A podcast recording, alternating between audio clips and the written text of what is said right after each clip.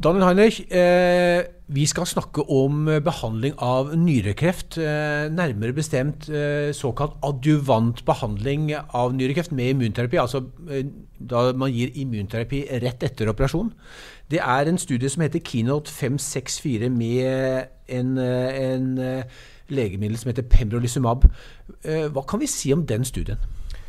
Ja, Som du allerede var inne på, så har man har testet et helt annet eh, konsept eh, enn en det vi eh, snakket om nylig med, med Vision-studien, hvor det var jo pasienter som, som var veldig syke, mm. og som var inkludert der. Her er det snakk om at pasienter er operert, og så uh, har de en viss risiko for tilbakefall selv om det ikke finnes noen synlige eller påvisbare eh, spredningssteder. Mm. Uh, og For å redusere den risikoen for tilbakefall, så, så, tester man ulike konsepter. og I denne studien er det immunterapi som mm. testes. Mm.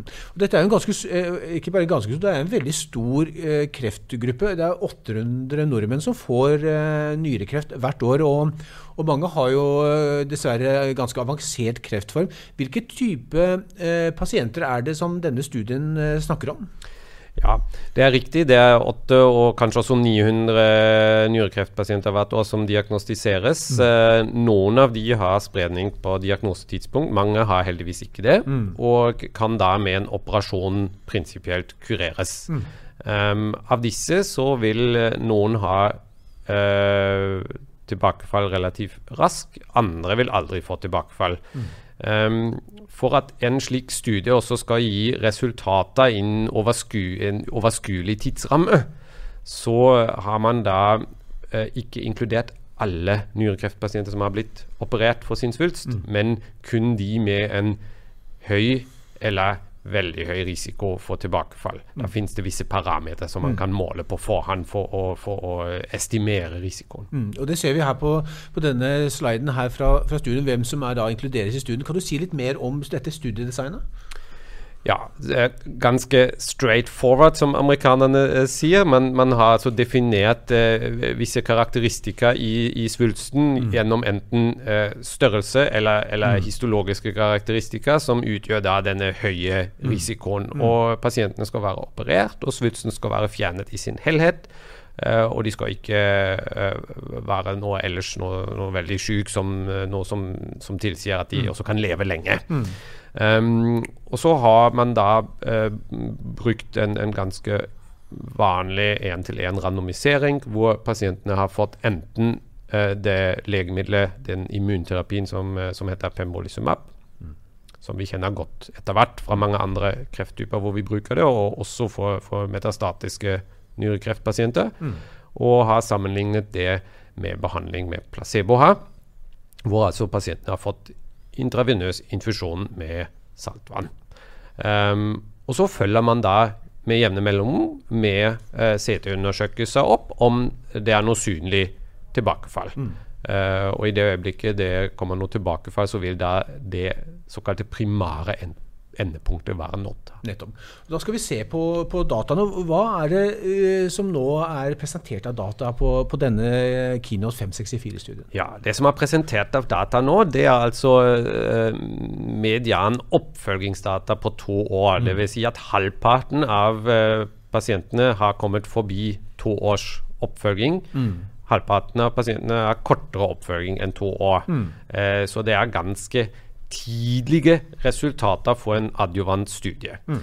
Eh, allikevel så er den positiv for det primære endepunktet sykdomsfri overlevelse. Dvs. Si både etter ett år og mm. etter to år er det 9% færre mm. pasienter som hadde tilbakefall i den eh, gruppen som fikk adjuvant immunterapi, mm. sammenlignet med de som fikk placebo.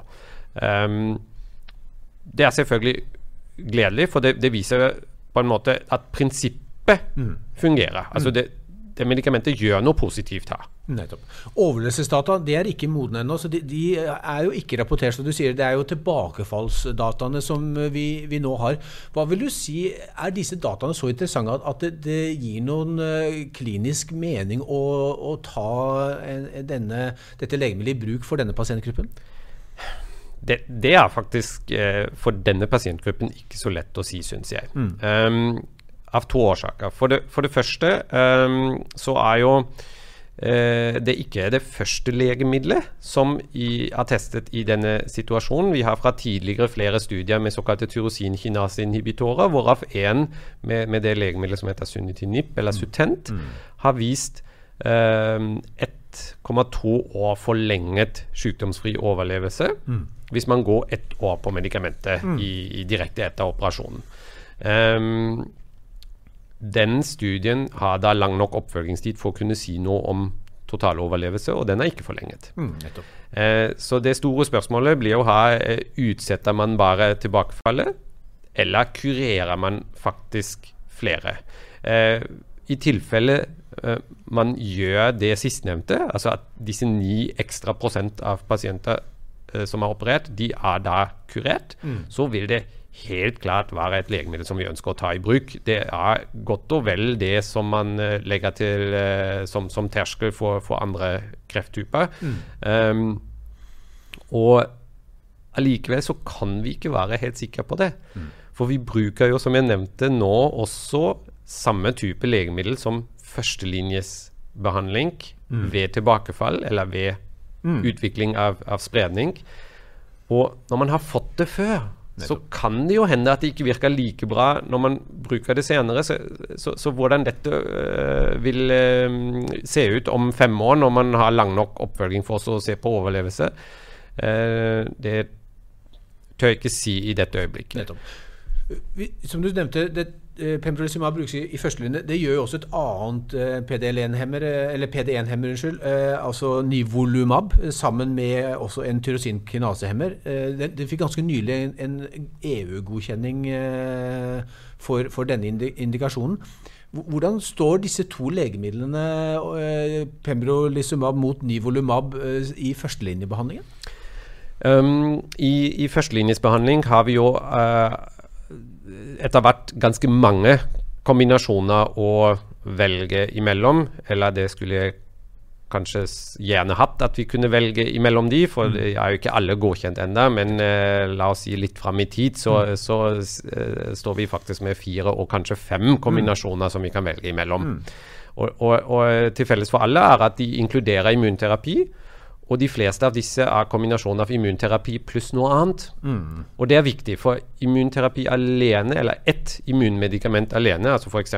Nivo eller Pembrolizumab alene, ser ikke ut til å være god nok førstelinjesbehandling sammenlignet med disse kombinasjonene. Per dags dato så har vi ingen direkte sammenlignende data mellom de. Så det blir egentlig bare synsing hvis jeg mener noe om hva som er bedre eller mm. dårligere. Mm. Um, og, og det, det, ligger vel ikke hos meg å,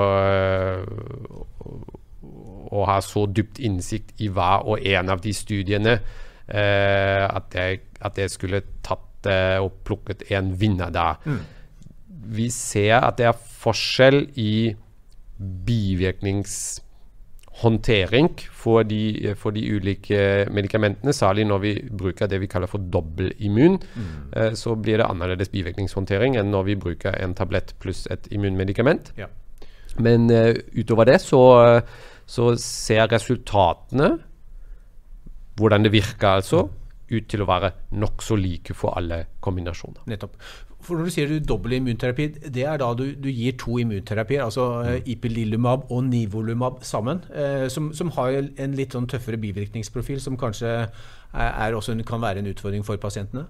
Tøffere eller annerledes, i ja. hvert fall. Eh, og, og, når man kjenner det godt, så, så, er det jo håndterbart, men håndteringen er no, noen ganger mer utfordrende, eller rett og slett mer langvarig. Mm. Uh, og det, det trenger ikke å gå utover resultatet med tanke på effekten mot kreften. Mm. Um, men, men det, det, kan være utfordringer der i klinikken. ja. Men nyrekreft er iallfall en veldig stor uh, og, og, faktisk voksende pasientgruppe med, med kreft. Der er det da altså en spennende studie som vi har vært inne på, med adjuvant behandling, altså immunterapi rett etter operasjon. Spennende sånn konkluderende, Daniel Heinrich, eh, litt avventende fra din side før du får overlevelsesdata? Ja, litt avventende. Det, det, er jo eh, Denne studien presenteres jo der på hovedsesjonen, plenary session, og, og, mm. der er jo egentlig målet at det skal være immediate practice changing eh, resultater. Eh, jeg er ikke så sikkert om ikke jeg heller hadde sett denne studien med med immunterapi mot kjemoterapi eh, i, eh, i øsofagus, eh, altså spiserørskreft, på denne sesjonen heller enn en denne. Dette, det blir i hvert fall spennende å, å, se. Helt på tampen, Daniel.